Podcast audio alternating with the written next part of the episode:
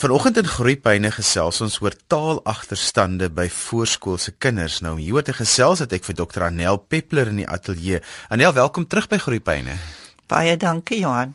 Kom ons praat net gou eers oor die woord taalagterstand. Wat beteken dit? Taalagterstand is eintlik die kind het nie die vermoë om taal maklik te gebruik nie. Sy uitdrukkingsvermoë en hy het nie die taalvaardighede om homself uit te druk nie. So wanneer die kind nou skool toe gaan, dan is hy heeltemal in 'n ander milieu en hy moet vir homself kan verwoord. So taalagterstand, daar's nie 'n geremdheid of 'n gestremdheid met sy taal spraakorgane of sy gehoorprobleme nie. Dit is net die kind het nie 'n taal ontwikkel nie. So as ek dit nou in eenvoudige taal kan praat, dan kan ek en ek sê dis doodgewone kinders wat eintlik met 'n min taal dan skool toe gaan. Ja. Ek kan dit verder verduidelik as ek vir jou 'n bietjie statistiek kan noem. Daar's 'n studie gedoen op ouers wat welsyn ontvang. Hulle kinders word blootgestel van 0 tot 4 jaar, ouderdom 4, 3, 4 jaar. Hoor hulle 616 woorde per uur. Nou dit is dieselfde woorde, dis herhaling, dit is woorde wat hy hoor. Die kind wat by die gewone werkende ouer huis groot word, waar die ouer miskien later kom of nie, of darm 'n bietjie tyd het om met die kind spandeer, se woord gehoor wat hy hoor is 1250 woorde per uur. Die kind wat in 'n huis groot word waar professionele ouers vir die kind grootmaak, is dit 2153 woorde per uur. Nou reken hulle uit. Nou goed, dit is nou 'n maalsom seker. By die ouderdom van 4 jaar het die kind wat in welsynsorganisasie of huis groot word, het 'n 30 miljoen word gap. So dit is 'n groot verskil en daardie kinders sit almal in dieselfde klas. So die kind wat daardie agterstand het van nie woorde hoor en woorde gebruik en volsinne praat nie hy het daai verskriklike groot agterstand. So as ek jou reg dan nou hoor en luister wat jy sê, dan sê jy dat daar's kinders wat met 'n groot hoeveelheid woorde wat hulle nie het nie, wat hulle nie ken nie, dan na skool toe gaan en dan het hulle nie genoeg taal om te kan lees en skryf nie. Ja, hy kan homself nie eens uitdruk nie. Hoe sal hy hom nou nog in 'n volledige sin kan uitdruk as hy dit nie eens kan praat nie? Jy weet Johan dat ehm um, wanneer die kleintjies by graad R kom, dan kan jy dit so maklik optel. Die kind jy sal vra vir die kind kinders, "Wat het julle die naweek gedoen?" Dan sal die enetjie sê, "Braai." Die ander een sal sê, "Ehm, uh, juffrou, ons het by my ouma en oupa op die plaas gaan kuier." Nou kan jy die verskil hoor in die taal gebruik. So wanneer jy by daardie kinders het wat nie 'n volledige sin kan sien nie, moet jy eintlik baie aandag gee aan taal. En nou ongelukkig is ons onderwyseresse in graad R nie almal so opgelei nie, want baie van hulle kom uit dieselfde agtergrond waar hulle nie baie taal gebruik het nie. Ek is net so spyt dat die statistiek nie vir ons sê dat hoeveel woorde kry kinders wat by oumas en oupas groot word nie want dit is nog meer woorde want ek het 'n navorsingsartikel gelees dat kinders wat by oumas en oupas groot word veral in die eerste 3 jaar van hulle lewe se woordeskat is die meeste van alle kinders. Ja, nee, ek kan dit goed glo want ouma en oupa hou daarvan om te praat en hulle hoor nie altyd wat die kleintjies sê nie so hulle praat maar nog verder 'n bietjie baie. Ek praat mos nou van myself ook. ja, want ek is ouma en oupa ook al 'n bietjie doof en en dan praat hulle nog meer. En nou maar wat kan ons aan hierdie probleem doen? Ek dink dit is die belangrikste ding. Behalwe ja. ons vanoggend wil 'n bewusmaking daarvan ja. gee vir ouers dat hulle moet bewus wees daarvan, maar wat kan ons daaraan doen? Jy weet Johan, daar is dood eenvoudige baie uh, praktiese dinge wat 'n ouer kan doen. My groot probleem is dat die kind moet wanneer hy 4, 5 jaar is en na graad R klas toe gaan, dan moet hy al sy taal kan gebruik. Op 6 jaar moet hy 'n taal praat wat gelykstaande is as die van 'n volwassene. So hy moet 'n behoorlike gesprek kan voer. Uh so daar is gelukkig gunstige omstandighede wat 'n mens kan doen. Maar nou die ouer wat nou werkende is En ag ek dink nou maar aan ouers wat nie 'n dak oor hulle kop het nie. Hulle eerste bekommernis is kos op die tafel, in klere en dak. En as die ouers uh, by die huis kom is hulle moeg na 'n lang dag se werk, so hulle het nie altyd tyd nie. Maar as ons net by die kinders kan gebeur, wat het jy vandag gedoen? Net gewone vragies vra. Praat net met jou kind. Praat, praat, praat. Dit is ons belangrikste ding vir die kleintjies, want hulle praat wat hulle hoor. En as hulle nou skeltaal hoor in 'n uh, kort opdragte, dan is dit al wat hulle ken. Nou die groot probleem is wanneer daai kind in die skool kom, is die skooltaal ook vir hom verskillend. Want ma sê nee, waar die juffrou sal sê, moenie nou teken nie, sit eers jou kruit in die houertjie voordat jy begin. Hy het nie idee wat aangaan nie, want hy weet nie wat 'n houer nie en hy weet nie van begin en einde nie. So die skooltaal maak dit nog erg en dit sit die druk op ouers baie meer sodat hulle net met hulle kinders gewone voltaal sinne moet praat. So Dis die eerste belangrike stap. Jy dit, moet praat. Dit sluit so aan by een wat ek amper sê van ons volksmoeders in onderwys het altyd gesê Annetjie Hanne kom dat die taal wat in die kind se kop is, is nie die taal wat op die papier staan nie. Nee. En sy het ons groot veldtogte daarop gesê dat ja. die kinders moet taal hê in hulle koppe sodat dit wat op die papier staan vir hulle kan sin maak. Ja. Dit 100% reg. Johan, want die taal wat hy in sy kop gaan hê, is die taal wat hy hoor. En hoe meer taal hy hoor, hoe beter. Nou goed, praat met jou kind. Daar's soveel ouers wat stories het in hulle koppe van hoe hulle groot geword het, wat hoe het hulle skool gegaan of hoe het hulle nie skool gegaan nie, omdat hulle nie skool gegaan het nie, het hulle ander dinge gedoen. Vertel dit vir die kinders. So die ouers kan maar net in die oumas en oupas kan vertel. Ek het onlangs met 'n plaas uh, groepie vrouens gewerk en een ouma het vertel, "Jene mevrou, ek wou so graag leer lees, maar my ma het gesê ek moet gaan skottelgoed was by die boer se vrou." Ek moet 'n geldjie verdien en ek kon nooit skool gaan nie. Sy neem nou by my skryflesse en leeslesse, maar plaas dit sy kan dit vir haar kleinkinders vertel sodat hoe het sy by die boer se huis ingestap? Wat het sy gedoen? Wat het sy langs die pad gesien? Hoe was dit vir haar lekker om te gaan na die plaas toe te gaan en te gaan werk in die huis? Al was sy maar 6 jaar oud. Ek is so bly jy sê van die storie vertel gedeelte. Ek het 'n ma gehad wat vir ons elke aand van ons lewe stories vertel het en sy het so 'n fiktiewe karakter gehad wat se naam was Kosie en ons kon nie wag om die Kosie stories hoor. Ek het later in my lewe nou maar uitgewerk dat die Kosie was eintlik maar die goed wat ons die dag gedoen het, maar my ma het tyd gemaak om vir ons ja. stories te vertel. Sy het nie altyd ja. tyd gehad om vir ons stories te lees nie, maar sy het vir ons stories vertel. Ja. My pa was die storieleser. Ja. Nee, weet jy, ons het vir ook my ma het ook stories vertel, maar my ma het in die donkerte gelê want hy daai tyd het glad elektrisiteit op die plaas gehad nie. En ek het in my ma se kamer gelê en luister hoe sy lê en brei in die donkerte en hoe sy vir my storie vertel. Daai twee goed onthou ek. En ek het nou vir my kinders vertel. Ja, ons het met klippies gespeel. Ons wit klippies was ryskorrels en 'n ander dag was dit geskeurde skape en die volgende dag is dit geld. Toe kom my eie kind en sy sê vir my: "Mamma, mamma vertel so baie van hoe mamma se klein dae was." Maar ek kan niks van my klein dae vertel nie. Ek sê ag my kind dink maar net 'n bietjie jy sal iets kry om te vertel.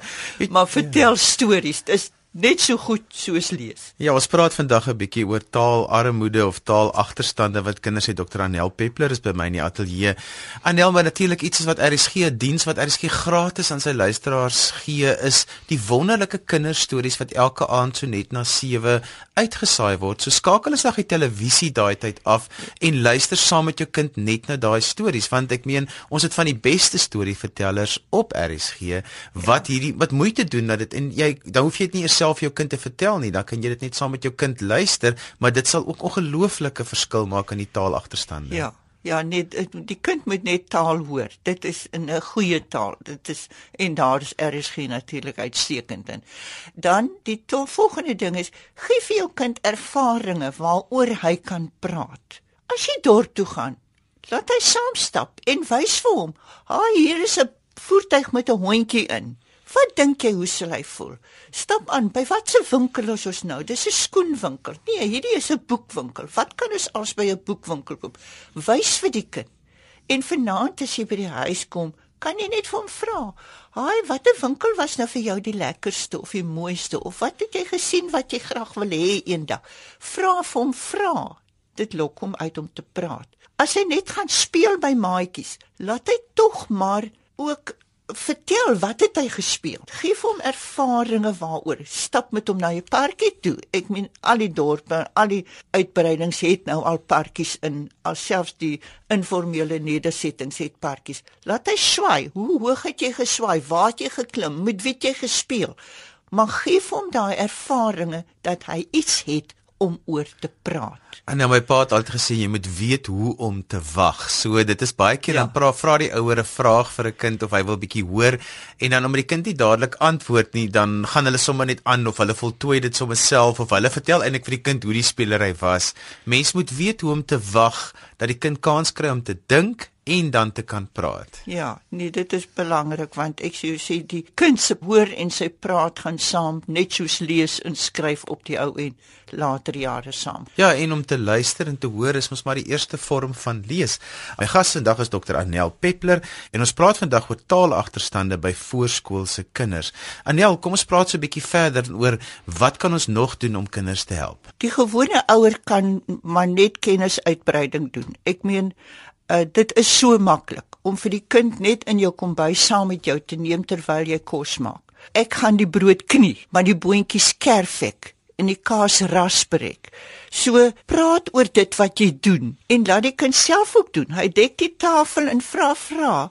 Uh hoeveel ons is nou vanaand ouma oupa by, so ons is twee meer. Wat moet ons nog dek en so. So gewone huislike aktiwiteite. In Amerika het hulle 'n navorsingsstuk gedoen oor kinders wat in 'n weeshuis was en van 4 tot 6 jaar is hulle 'n eksperimentele groep uitgeneem. En daardie kinders wat in 'n eksperimentele groep was, is by 'n gesin geplaas wat hulle net gewone dinge gedoen het. Die kinders het saam met mamma winkel toe gegaan, hulle het haarsalon toe gegaan, hulle het biblioteek toe gegaan. Hulle het niks anders gedoen uitstappies na teaters of sulke dinge nie. En daardie kinders op 6 jaar na 2 jaar by 'n gewone gesin, sê IQ het verander met 28 punte. En die wat in die gewone weeshuis bly, het gedaal met 24 punte. So, dit wys net vir jou die toets wat hulle op 6 jaar gedoen het was moeiliker as wat hulle op 4 jaar gedoen het. Maar die kinders wat in die gewone gesin ontwikkel en gestimuleer is, het net soveel beter gevaar. So, jy hoef niks geld in te sit nie. Jy moet net jou tyd insit en jy moet met die kinders praat. Kom help vir my knie. Kyk hoe sit die meel aan jou hande vas. Vryf dit af was dit maar makliker met meel af as wat jy dit moet water af. Hy vind uit hierdie bottel is te swaar want dit is vol. Die bottel wat half is is lig. So gewone dinge wat die kind doen, brei sy kennis uit. Dan nog 'n ding is gee vir die kind kans om te teken. Hy kan met 'n stokkie in die sand teken. Hy kan met tomatiesous op die bord teken. Of sommer met water op sement. Ek glo dit is ja. een van die maklikste en die goedkoopste maniere om te teken. of teen ma se vensters of die motor se vensters wat ons tog so moeilikheid oorsoek. Nee, uh laat die kind teken en laat hy maar daaroor praat. Jy verstaan nie wat hy teken nie, maar sy krabbeltjies beteken op die ou en vir hom iets en hier van 4 jaar dan begin hy sê ek het 'n boot geteken of ek het 'n tafel geteken wat ook al. So hy kan maar teken en natuurlik prente en tydskrifte waar 'n mens prente en tydskrifte kan kry is baie goed vir die kinders om net boeke te blaai. Ek meen al die biblioteke is vir al die kinders oop. So as mamma huis toe stap, gaan by die biblioteek aan, kry 'n boek en neem dit saam. Môre middag kan jy dit weer kom ingee. So dit hoef nie ekstra geld wees wat jy moet uithaal nie. Jy moet net tyd uithaal en beplanning doen sodat jy vir jou kind kan stimuleer. Anel baie van ons ouers werk baie lang ure en hulle kom baie keer laat by die huis. Dan moet hulle nou nog allerlei dagtaakies doen. So dit is 'n bepaalde uitdaging vir ouers wat lang ure werk en dan nou nog tyd met hulle kinders wil spandeer en om dan nou te sê ons moet jy met totaal agterstand uitwis is ook moeilik. Wat se wenke het ons vir sulke ouers?